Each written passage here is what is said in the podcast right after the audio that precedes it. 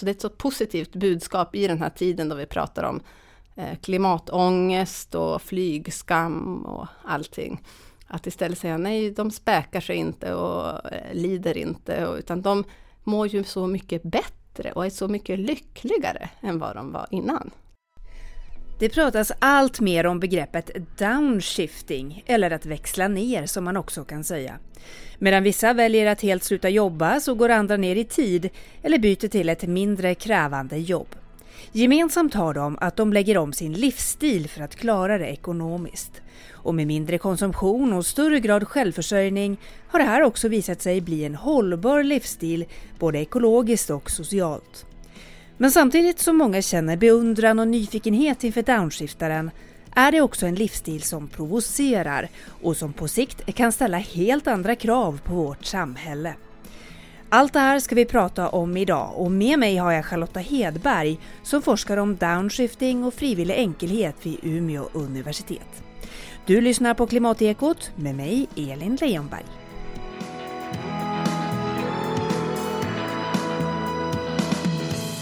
Hej Charlotta och välkommen hit! Hej! Jag tänker att du ska få börja med att förklara vad downshifting och frivillig enkelhet egentligen är. Ja, eh, downshifting det låter nästan som ett modeord. Eh, men faktum är att det är också ett begrepp som används ja, internationellt i olika länder eh, för att titta på personer som frivilligt går ner i inkomst för att göra en livsstilsförändring. Det handlar alltså om att man frivilligt minskar till exempel arbetstid, går ner i arbetstid eller att man helt byter bana. Men att man gör det frivilligt och för att man vill förändra sin livsstil. Då, och frivillig enkelhet då ett sätt att, eh, ja, att försöka få ner, få ner ord på då att man, att man minskar sin konsumtion till exempel och, och försöker leva mer hållbart på olika sätt. Men betyder det här att man per automatik måste flytta ut på landet och leva utanför samhället? Oh nej, absolut inte. Eh, I våran definition så kan man bo kvar i samma hus eller lägenhet om man har möjlighet till det. Eh, man kan eh, Ja, man skulle till och med kunna, kanske man, det är nog svårt kanske att flytta till ett dyrare ställe i samband med det. Men det som vi tror i det forskningsprojekt som vi snart ska starta upp, det är ju då att, att när man gör en sån här förändring och vill gå ner i, ja, i sin inkomst på något sätt så kommer man kanske att tänka på plats på ett annat sätt. Och det är det som vi är intresserade av. Tänk, alltså sinnebilden är det här stressade storstads vdn i, som bor i Stockholms innerstad och springer runt, runt, runt och sen så helt plötsligt tänker vad, är, vad håller jag på med? Och sen så byter han karriär och flyttar ut på landet och börjar odla. Det är liksom sinnebilden, men sen finns det ju alla möjliga andra. Till exempel att man eh, bara flyttar inom Stockholm, hörde jag någon som gjorde. Kanske flytt, man kanske flyttar från ett dyrare boende till ett billigare inom samma stad eller kanske flyttar, flyttar från ett inte vet jag, innerstan till mera eh, mindre centralt i stan eller att man flyttar till en ekoby eller det finns väldigt, väldigt många olika uttryck. Eller att man bara flyttar eh, till, en, eh, till en mindre ort. Eh, vi tror att ganska många väljer att flytta vad vi kallar för nerför den urbana hierarkin, vilket betyder alltså att man, att man väljer någon form av, av mindre, mindre bostadsort. Och landsbygden är ju alltså en, ett alternativ då, som många tilltalas av, men inte alla. Men vad är det man vill uppnå genom den här flytten då?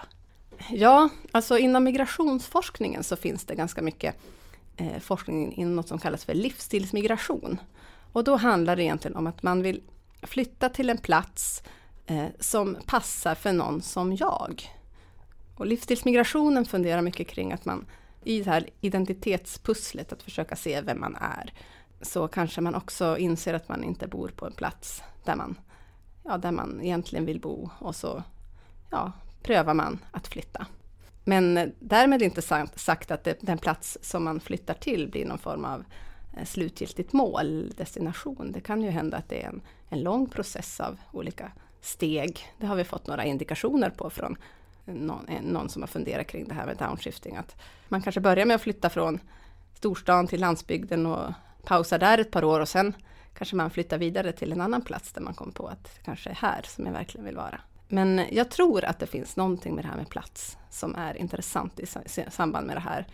Jag tror att när man gör en sån här nedväxling som downshifting innebär så, så börjar man ja, men tänka, fundera kring frågor. Så här, vad vill jag ha? Vad vill jag ha ut av livet? Och då kanske man kommer på att, att man vill ha mer natur till exempel omkring sig. Det kan ju vara en sån sak. Men det kan också vara så att det är för dyrt att bo i stan. I, peng, i, I storstan bara rinner pengarna ur fickorna och det kanske man inte riktigt, det är inte den typen av livsstil man vill ha när man ska försöka gå ner i, dra ner sin inkomst eller sin, sina utgifter och sin konsumtion. Man ska inte gå och fika och gå och ta en öl och alla de här sakerna hela tiden då kanske, utan man kanske mer ja, fixar sin termos och går ut i skogen och dricker sin kaffe där. Eller går hem och umgås hos vänner och sådana saker. Jag tror att det, det är de typerna av förändringar som, som man vill åt.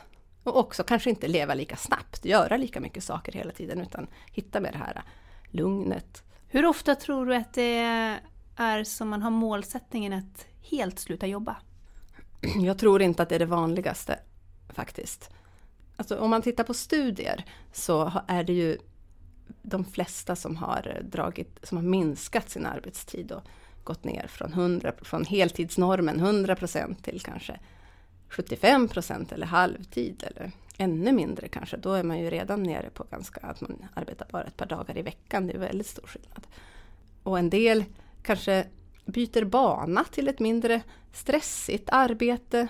Typexempel var de som jobbar inom privat sektor och tyckte att det var liksom styrdes av någon form av så här vinstmaximerande värderingar som de inte stod för också och bytte till ja, men mer, mer offentlig sektor på något sätt. Nu vill jag inte säga att det är lugn och ro att jobba inom offentlig sektor heller alla gånger, men, men, eh, men i alla fall att man, att man ifrågasätter vilken typ av arbeten man utför och kanske ett arbete som inte är kopplat till karriär och karriärtänk, vilket kan vara stressande för många.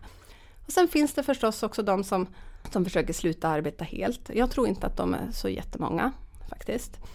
Men också de som kanske söker efter att hitta andra kreativa inkomster. Och det är det här som jag tycker är en sån spännande sak i det här med, med downshifting. Att man ifrågasätter vad arbete kan vara. Arbete måste inte vara att gå till sin arbetsgivare och arbeta heltid, utan man kan också försöka arbeta ja, hit, gå, till sitt, gå till sig själv och hitta, hitta den kreativa ådran hos sig själv. Det kan vara allt ifrån att man odlar upp sin trädgård till att man ja, men, skriver en bok eller startar ett företag av något slag hade ett exempel som jag lyssnade på, en, en eh, man som hade downshiftat och slutade jobba helt, sa upp sig från, från sitt jobb. Det var ett politiskt arbete. Han var jättestressad eh, och eh, ja, han hade också utbrändhet. Och sen så startade han ett företag som hade med hälsa att göra, ett webbaserat företag, så han kunde driva det och så hade han lite klienter som kom till sig på något sätt. Men huvudsaken var en sån här webbaserat. De ofta jobbar de, som jag har hört talas om, på något sätt med webbrelaterade saker för att man kanske får mer frihet då. Men i alla fall, han hade startat ett webbrelaterat företag och det började gå så bra för honom så han var tvungen att tacka nej för att liksom kunna hålla det här. Han ville bara jobba två, tre dagar i veckan. Och det där tycker jag är ett så talande exempel för ja, den här kreativa ådran får komma fram och det kanske går nästan för bra för en. Så då får man ju liksom bestämma själv om man, om man vill fortsätta ha det här mer lugna, försöka lugna ner sig och växla ner eller om man vill växla upp. Men, och då blir man ju en klassisk företagare egentligen. Då blev ju downshifting en väg till eget företagande. Och det tror jag är ganska många som, som testar den banan på ett eller annat sätt. Vad är det med det här fenomenet downshifting och frivillig enkelhet som du tycker är så spännande? Ja, alltså jag tycker ju att det absolut mest spännande det är de här, eller jag har alltid blivit väldigt tjusad av den här berättelsen av den här karriärmänniskan som springer på i ekorrhjulet och det går, det snurrar bara fortare och fortare och sen så stannar den bara upp och tänker, men vänta nu, var det det här jag ville? Eh, här, eh, så här vill jag inte ha det. Och vad det är för typ av tankar som sätts igång hos en människa när man stannar upp och ifrågasätter den här normen av vad, vad det är som är att leva ett bra liv. Det är det jag tycker är väldigt spännande faktiskt. Egentligen eh, ifrågasättandet av de här normerna och konsum konsumtionskritiken tycker jag är väldigt spännande också. Att, man, att, eh, att det liksom implicit ligger i livsstilen att man ska minska sin konsumtion. Och det är ju också någonting väldigt, eh, alltså väldigt, ligger väldigt mycket i tiden då det här med att man ska Eh, konsumera på ett hållbart sätt. Det var inte det som jag från början var intresserad av. Då var det just det här med de här historierna som jag tycker är väldigt fascinerande med vad man kommer att vilja leva för, för liv när man hoppar av den här karriärsnormen. Men eh, nu med tiden så har jag också börjat tycka att just det här att det visar på ett attraktivt sätt hur man kan leva hållbart. Det tycker jag är väldigt spännande och fascinerande. Det visar att, att försöka hitta en, en hållbar livsstil, både socialt och ekologiskt, kan vara så tilltalande och attraktivt. Det tycker jag är, alltså det är ett så positivt budskap i den här tiden då vi pratar om eh, klimatångest och flygskam och allting. Att istället säga nej, de späkar sig inte och eh, lider inte, utan de mår ju så mycket bättre och är så mycket lyckligare än vad de var innan. Är det så? Jag tycker det verkar så. Alltså, i alla fall, jag menar, nu ska vi ju säga så att jag pratar väldigt mycket nu utan att ha ens startat upp det här forskningsprojektet. Eh, men jag har ju lyssnat på eh, en, en podd eh, med 40 olika berättelser och jag har sen jag började med det också sett mig omkring i samhället och lyssnat, liksom, titta på, läser artiklar och ja, försöker hålla ögon och öron öppna och se vad som händer omkring en vad gäller just de här frågorna. Som, och jag tycker att det verkar som att, att man mår bättre. Vad tror du att det beror på då? Ja men det finns väl ingen som, som har sagt att man blir lyckligare av att köpa sitt tjugonde par skor egentligen. Om vi tänker på det här med konsumtion.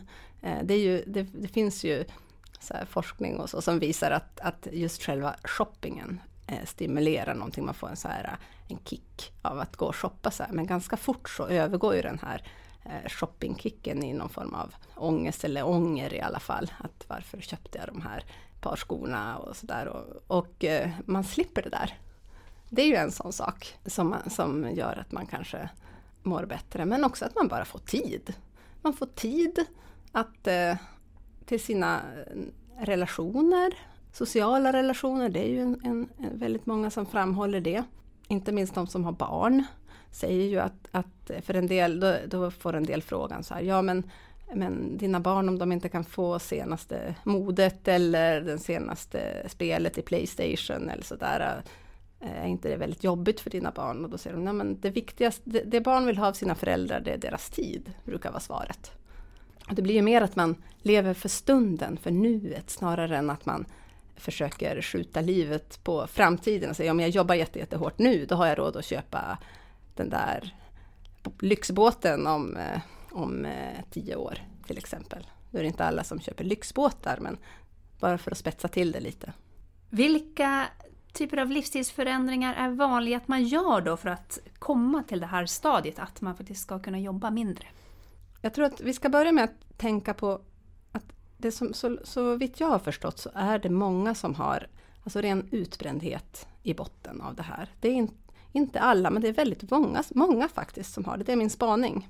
Och det ligger i fonden då till vad man kanske behöver göra för, för livsstilsförändringar. Har man blivit utbränd av sitt yrke, då kanske det inte räcker att, att eh, gå ner till halvtid till exempel. Då, då blir det mera klassisk eh, att försöka klassiskt komma tillbaka till eh, arbetsplatsen igen som man brukar jobba med utbrändhet. Utan då handlar det kanske mer om att man försöker byta bana. Eller eh, ta en paus. Men annars så tror jag att det är många som börjar med att försöka klara sig på halvtid. Vi har en fundering kring att det här hänger ihop med, med var man befinner sig i den här individuella livsbanan. Det vill säga till exempel, det kanske har i samband med att man har varit hemma på föräldraledighet till exempel kanske man inser att ja, jag klarar mig faktiskt på betydligt mindre pengar än vad jag gjorde förut. Och, så att eh, det, det, skulle också kunna ha samband med det och då kanske det är just eh, att gå ner i arbetstid som är det typiska, skulle jag tro, i första hand. Även om en del kanske också eh, väljer att sadla om. Du har beskrivit det här som en eh, liten men växande skara. Är det en ökande trend eller är det mer att det har blivit ett fenomen i media och sociala medier nu skulle du säga? Ja, det där är ju en jättebra fråga som jag egentligen inte riktigt kan svara på. Eh, jag vill inte säga att det är någonting nytt. Jag har fått den frågan många gånger nu. Ja, men vad är skillnaden jämfört med gröna vågen på 70-talet? Så här. Jag vill inte säga att det är en stor skillnad mot hur det alltså i livsstil till exempel eh, mot gröna vågen på 70-talet alla gånger. Men, men det är ju en annan tid vi lever i nu. Det är väl det som gör att jag tror att det skulle kunna vara en växande skara. Eh, alltså just det här att det, att det är så många som får allt mer medvetenhet av vilken typ av livsstilar som är hållbara i samband med klimatförändringar och, och annat. Vi vet att, att klimatförändringarna redan är här och att de kommer att påverka oss allt mer i framtiden också. Och därför så tror jag att det här kommer att växa. För att det här är ett, ett sätt som man kan välja att leva på. Plus att vi har sett i studier från andra länder. Eh, jag har ju visat dig exempel på studier från Australien och Storbritannien där man hittade att 25 procent av den arbetsföra befolkningen faktiskt hade gjort en sån här nedväxling som vi pratar om idag. Eh, och eh, det är ju en enormt hög siffra. Jag vet att forskaren som gjorde de studierna var väldigt förvånad över resultatet där. Och det var redan 2003? Ja, precis. Det var 2003. Så att jag tror absolut inte att det är 25 procent i Sverige som gör det här. Eller, men eh, man vet aldrig hur det blir i framtiden. Jag menar bara att mot bakgrund av det så finns det ju utrymme för betydligt större rörlighet mot det här fenomenet i Sverige i framtiden. Det tror jag. Men vad tänker du kring det då, att 25 procent i Storbritannien och Australien redan 2003 hade påbörjat den här livsstilen? Ja, nej, jag skulle vilja göra en uppföljning. nej, jag vet faktiskt inte riktigt exakt hur det ser ut i de länderna idag. Det gör jag inte. Eh, men jag tänker bara att om vi leker med tanken att det skulle bli så i Sverige också, så pass populärt, då måste ju det få stora konsekvenser för vårt samhälle. Alltså jag tänker på ja, hur vi lägger upp våra skattesystem och sådana saker. För det ska man ju inte, inte förringa. Att, att det här är ju individens, alltså downshifting det är ju individens svar på att man vill förändra sin egen situation. Och individen kan ju inte riktigt ta ansvar för hur hela samhället ska, ska vara strukturerat och fungera, utan det är ju politikernas ansvar. Men blir det 25 procent som skulle göra en sån här sak, då skulle ju eh, samhället bli tvunget att, att förhålla sig till det. Men hur skulle man kunna tackla det då? som samhälle? Precis. Ja, alltså, för det första måste man ju, så är det ju, beror det på vilka som sitter politiskt vid makten förstås. Man kan ju liksom inte förbjuda människor att, att jobba deltid till exempel och därmed dra in en lägre andel skattemedel. Utan då blir det ju en då, till exempel så kan man ju som politiker skatteväxla eller ja, på något sätt eh, främja de som gör låga utsläpp till exempel. Eller man, man skulle kanske kunna ja, men se så här, till exempel vilka yrken är särskilt viktiga att främja eh, skattemässigt. Det måste ju finnas olika, olika sätt att lösa det här på. Jag är inte riktigt eh, expert på hur man skulle utforma, utforma det rent rent tekniskt och praktiskt. Men, men jag vet ju att, att det finns olika förslag. Du vet, det finns förslag på medborgarlön och alla sådana saker. Det finns olika typer av samhälls samhällsförändringar som man resonerar kring. vet du om man behövde göra någon typ av förändring eh, i samhället i Storbritannien och Australien när den här trenden kom där? Nej, jag har faktiskt inte riktigt hört talas om det. För jag tänker, det har man ju inte hört om, liksom att det skulle ha blivit någon Nej, större katastrof jag där. Jag tror inte det. Alltså, men det är en annan, alltså det är en annan kontext också. Vi är ju, alltså i Sverige arbetar ju ändå internationellt sett fler eh, än, än, i andra länder, just kvinnor. Alltså till exempel. Så att bara där har vi ju liksom, vi har ju ovanligt hög förvärvsfrekvens i Sverige. Så då skulle det ju som bli ännu mer kännbart. Tänker jag, ja, just det. Ja, precis. Ja. Vi är som vana vid att alla jobbar 100% här. Mm. Och jag kan tänka mig att, att att liksom normen är ännu starkare här. Att, alltså heltidsnormen är verkligen stark. Just den här heltidsnormen i mm. Sverige. Mm. Eh, hur står sig den här typen av livsstil, liksom att välja den här livsstilen i ett samhälle som ändå har en så stark norm att alla ska jobba och alla ska jobba heltid. Blir det liksom någon typ av motsättning där, tänker du? Det kan det säkert bli.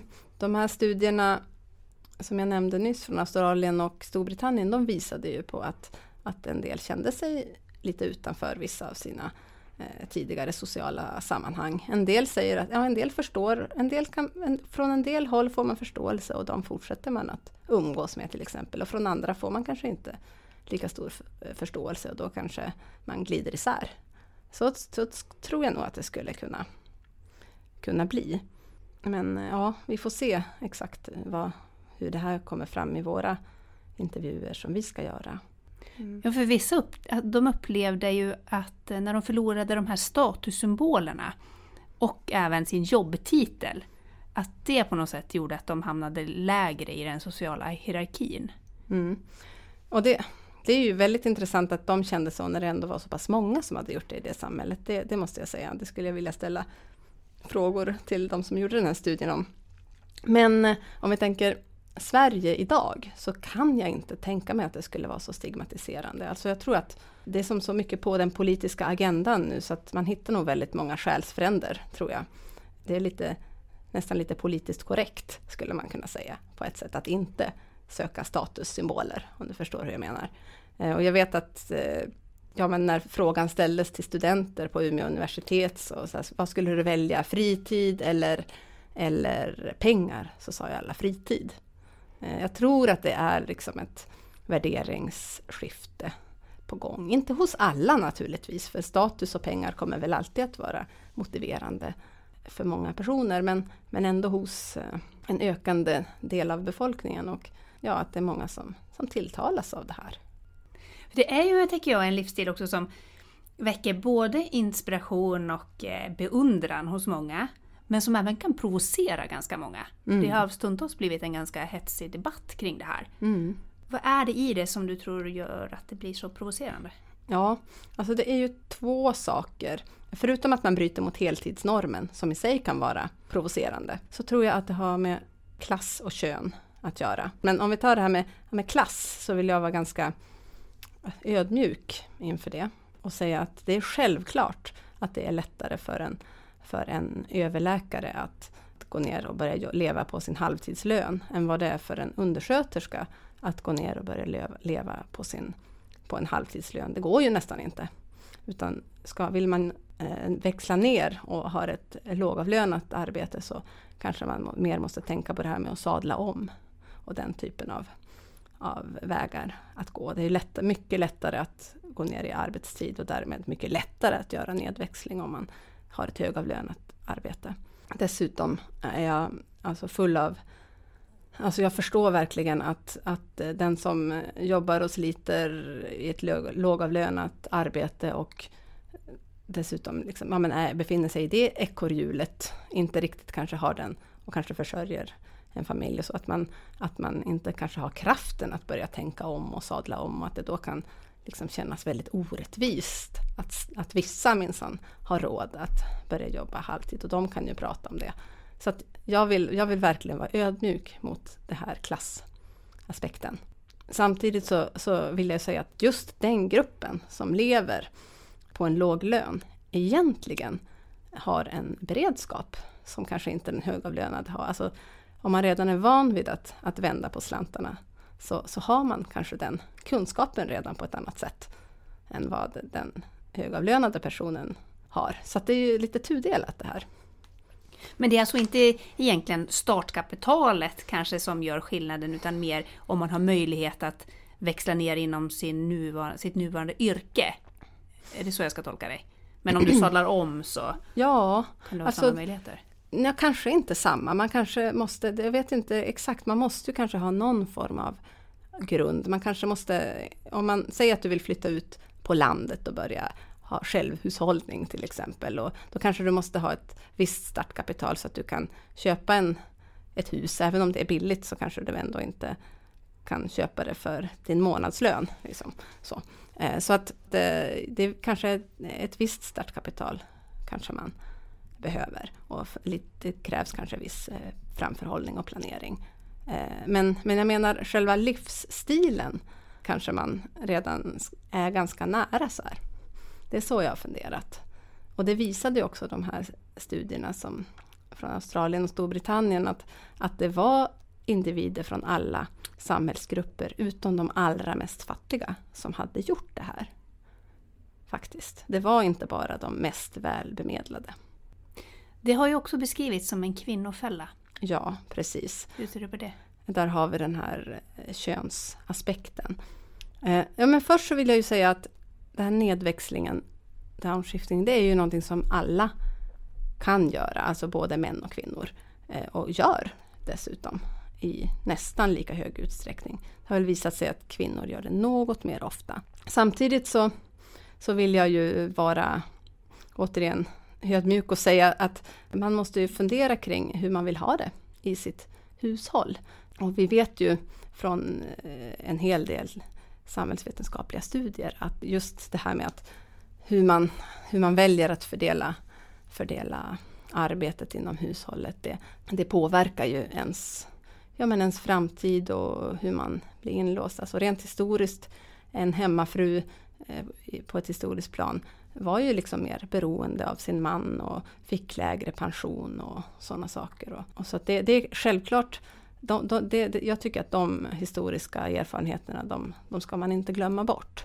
Det, det vill jag verkligen säga. Så att personligen så skulle jag tycka att det är bättre att, att downshifta ur ett hushållsperspektiv än att göra det ur en individs perspektiv. Hur menar du då? Då, då menar jag att det kanske är bättre att båda går ner till 50 procent än att en slutar arbeta och en jobbar 100 procent. Hur ofta är det så tror du? Har du fått någon känsla när du har... Oj, um, jag tror att det är olika. Jag kan inte svara på exakt hur ofta man gör på olika sätt. Om vi säger så här. Det finns ju ett stort undantag och det är ju då när, när en person har gått in i väggen. Om en person har gått in i väggen så är den ju sjuk. Och då måste ju den här personen ta en paus och då är det ju inte rimligt kanske att man börjar tänka så här, ja, går jag in i en, en kvinnofälla nu? Eller jag tror inte att det är det första man tänker på då, utan då tänker man på hur ska jag styra upp, hur ska jag styra upp mitt liv så att jag kan börja andas igen? Och, och då är det väl ganska rimligt att man, att man arbetar som ett team under den här pausen och försöker hitta en balans i hushållet. Sen så kan ju jag tycka att då är det ju bra att man att man funderar kring om man verkligen vill ha det så i, i det långa loppet. Men samtidigt så hörde jag i intervju med någon där det var mannen som hade ja, downshiftat och kvinnan jobbade kvar på sitt jobb och trivdes jättebra med det. Och då var det ingen som drog öronen åt sig eller funderade kring om det här var en mansfälla som man hade gått i. Men jag förstår ju varför det är så. Det är ju av de ja, men historiska skäl och, och eh, ja, men olika patriarkala skäl. Alltså det, det är självklart att Alltså att det finns skillnader mellan, mellan kvinnor och män i, i hushållsarbete och sådana saker. Och vi har funderat på den, till, på den här frågan ganska mycket eftersom den verkligen har varit på tapeten och följt mig lite också i, när jag har pratat om det här med downshifting. I, rent idealt så skulle ju män och kvinnor dela hushållsarbetet lika, 50-50. Om, om, man, om det vore så, då kanske inte den här frågan skulle vara lika brännande. Men eftersom det är ju väldigt, tyvärr väldigt ofta är så fortfarande än idag att, att det är kvinnor som tar största ansvaret för arbetet i hemmet. Ja, alltså frågan blir ju svårare på det sättet eftersom om då kvinnan dessutom downshiftar då blir det kanske ännu mer så att det bara blir hon som tar hand om det här. Men å andra sidan kanske det var det som låg i botten till att hon till exempel blev utbränd. Så, här, så det, jag tycker det där är jättekomplext det här med, med kön och jag tycker att man ska tänka på det när man när man funderar kring om man ska växla ner så här. Kan vi göra det i, he, i hela hushållet då? Och det är verkligen det som jag så skulle rekommendera om jag ska ge någon, någon så här äh, generellt råd att man ska göra det båda två.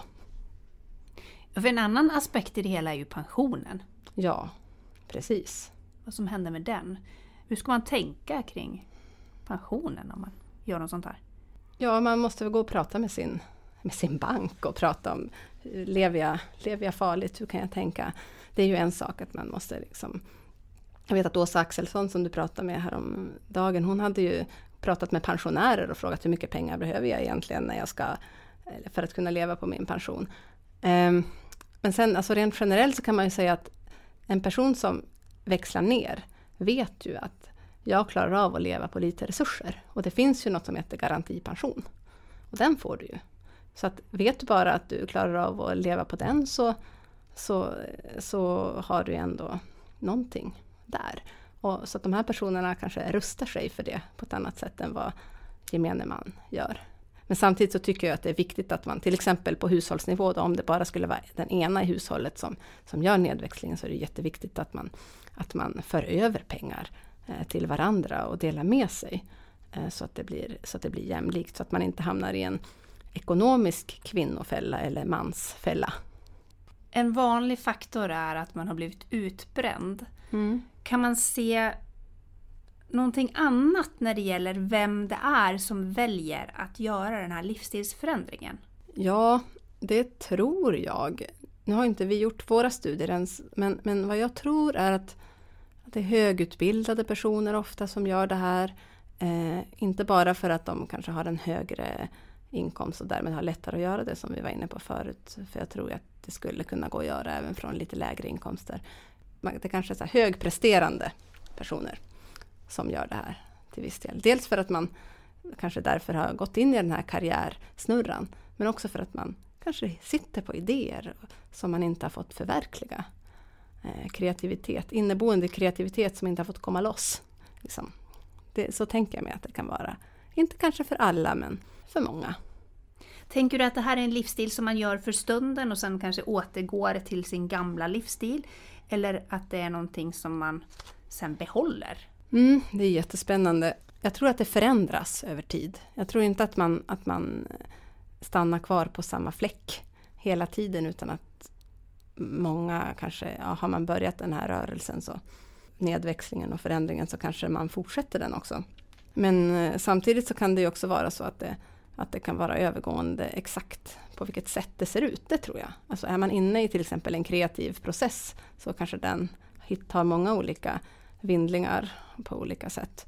Eh, och som jag sa det där med, med flyttkarriärer och sånt. Vilken typ av plats man vill bo i. Det kan ju också utveckla sig över tid. Och, eh, så att jag tror nog att det kan förändra sig. Men det är inte säkert att, att eh, de här personerna eh, går tillbaka till eh, heltidsarbete igen. Eh, du sa förut att att du upplevde att man gör den här livsstilen och så känner man sig friare och lugnare. På vilket sätt eh, kan det här vara en klimatsmart livsstil? Ja, alltså det mest typiska, det är nog ifrån det som jag har hört, så, så är det att inte att man börjar med att tänka på klimatet, inte alla i alla fall, utan man kanske börjar med att dra ner på sin konsumtion och sina inkomster, för man kanske vill, vill spendera mer tid med sina barn till exempel. Eller, så att jag tror att det här sociala kommer först. Men att konsekvensen blir eh, livsstil, en hållbar livsstil. Mycket i, för, för det här med att man minskar sin, sin konsumtion och att man börjar leva eh, mer hållbart av de orsakerna. Eh, men sen också för att man eh, ja, men kanske hittar andra värden, vad man tycker är viktigt. Och man får tid att tänka och då tar man in till exempel klimatförändringarna på ett annat sätt än vad man kanske hade haft tid att reflektera över innan. Men väldigt påtagligt är ju att man kanske inte har råd att åka till Thailand till exempel längre eller köpa eh, den tionde jackan. Så det är ju väldigt tydligt. Sen det här med att bo på landet. Eh, det, om, av de som väljer, det är ju inte alla som gör det, ska vi säga på en gång. En del kanske bor på ett ställe där man kan åka kollektivtrafik och cykla till ICA och sådana saker. Och då, då är det ingenting att säga. Men det är klart att den som väljer, för den som väljer att flytta till landsbygden kanske det blir mer eh, bilåkande till exempel. Och det, det är ju någonting som man måste eh, fundera kring. Och hur, hur, eh, hur hållbart är det att bo på landsbygden överhuvudtaget? På en del platser så går det att åka buss till exempel men, men visst är det så att, att landsbygdsboende är förenat med mer, mer eh, bilåkande till exempel. Men däremot kanske den här, som jag sa, semesterresan blir betydligt hållbarare. Man kanske får tid att åka tåg till Stockholm istället för att flyga, till exempel. Så, så att man kan ju vara hållbar på väldigt många andra sätt. Man kanske odlar sina grönsaker, i alla fall vissa delar av året och sådär. Och det kanske är hållbart. Jag tänker att många som är, även om man är högutbildade och, och har ett välavlönat jobb, och kanske framförallt då så är man fast i dyra lån och dyra konsumtionsmönster. Är det möjligt för alla att bryta det här och ta sig ur det? Eller? Ja, det är spännande. Eh, kanske inte för alla, men, men visst är det så att det finns, jag har ju stött på en grupp, hört talas om en grupp människor som aldrig har gått in i det här Eh, hög eh, högkonsumtionsbeteendet utan liksom levt i frivillig enkelhet från början. Till exempel det finns en rörelse som heter Tiny House Movement, alltså de som bor i så här små hus på hjul till exempel. Och då, de är ju väldigt billiga till exempel. Och om man kanske hittar en väldigt billig livsstil redan från början, då är det ju såklart, då har man ju ett annat, då är man ju van på ett annat sätt än, än om man eh, ska växla ner från att ha haft hög konsumtion. Men det är väl klart att det är möjligt att, att sälja ett dyrt hus, till exempel med höga huslån och köpa ett billigare om man vill. Det handlar ju väldigt mycket om, om vana och vad man är beredd att göra för förändringar. Eh, man får gå till sig själv, man, man börjar väl med små steg och så se vad som är lättast att, att förändra först. Eller mest relevant att förändra först för sig själv. Det är klart att det går att bryta med sina, med sina dyra levnadsvanor. Och det har ju flera av de här personerna visat att det, att det går att göra. I det här kommande forskningsprojektet som ni har, mm. vad är det som ni kommer att undersöka där? Mm. Det, här forskningsprojektet det har två ben egentligen. Det ena projektet är att vi vill prata med privatpersoner eh, och eh, intervjua dem om ja, deras livsstilsförändring men också deras, eh, ja, deras syn på plats och var de har valt att bo. Och om de funderar på att flytta kanske, om de inte redan har gjort det. Sådana saker. Eh, så det, det är det, liksom det ena benet i det här forskningsprojektet. Och sen det andra det handlar om planering, samhällsplanering. Eh, finns det möjligheter för samhällsplanerare att, att planera för de här grupperna? Där har vi en hypotes att, att det spelar roll vad det är för typ av kommun som gör den här planeringen och att mindre kommuner är mer benägna att, att försöka attrahera en sån här grupp än en större kommun som ändå inte behöver anstränga sig för att få befolkning på samma sätt. Så vi tror att särskilt en glesbygdskommun eh, kan vara intresserad av, av den här gruppen av inflyttare. Eh, en kommun som förlorar i befolkning och särskilt ung befolkning, där kan det vara väldigt spännande att få lyckas attrahera en, en barnfamilj som med högutbildade och som jag brukar säga högpresterande individer som, som försöker skapa någonting på den plats där de befinner sig och inte förväntar sig att det redan finns jobb till exempel utan försöker skapa dem själva. Då. På vilket sätt skulle man kunna göra det här då som kommun? Ja, men vi har ju ett exempel på Robertsfors kommun till exempel som har eh, skapat en, en, en ekoby. Så här. Och, och, i Sike och sagt att här planerar vi en ekoby. Och så får folk flytta in. Medan annars, de flesta som har startat ekobyar har fått göra det underifrån och fått kämpa ganska mycket mot kommuner så, och tyckt att det har varit ganska krångligt att komma igenom olika byråkratiska regler och så här. Så, så det här Robertsfors kommun då till exempel har istället då verkligen ja, men försökt skapa den här byn. Det tycker jag är ett så här intressant exempel på det här. Men om man tänker på den nuvarande marknadsekonomin och hur vi lever vårt liv idag och välfär hur välfärdssystemet i Sverige är uppbyggt och så vidare. Att då blir ju den här livsstilen på ett sätt ett hot mot mm. det som vi känner idag.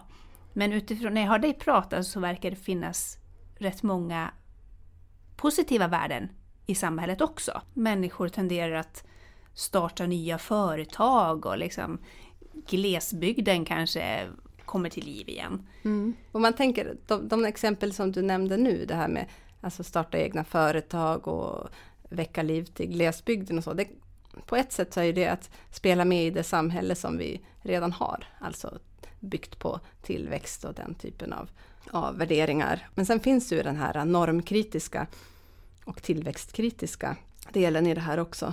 För mig så, så ryms den här livsstilen i, alltså i så alternativa tankar kring vad en, ett så framtida samhälle skulle kunna, hur det skulle kunna se ut. Och jag är inte den som skulle kunna säga exakt hur ett, ett eh, framtida samhälle, tillväxtkritiskt samhälle skulle kunna se ut.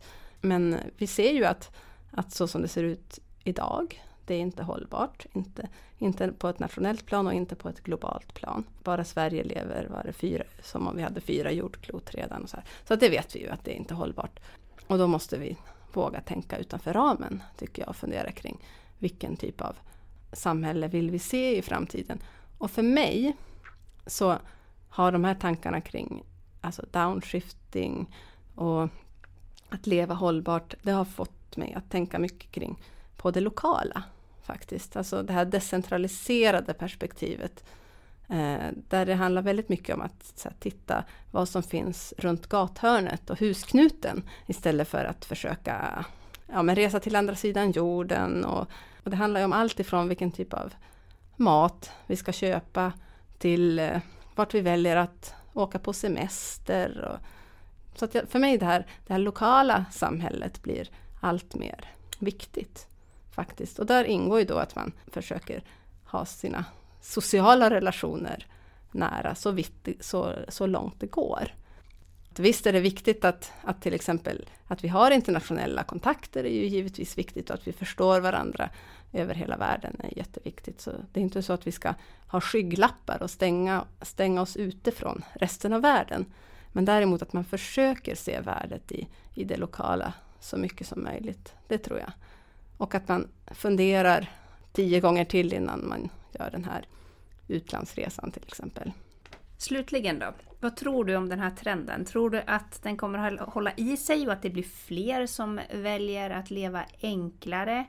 Eller tror du att vi kommer att fortsätta som vi gör idag? Jag tror att, det, att trenden kommer att hålla i sig eftersom jag tror att, att eh, vårt samhälle kommer att förändras. Alltså, de, de, sam, alla klimatforskare säger ju att världen kommer att förändras väldigt mycket.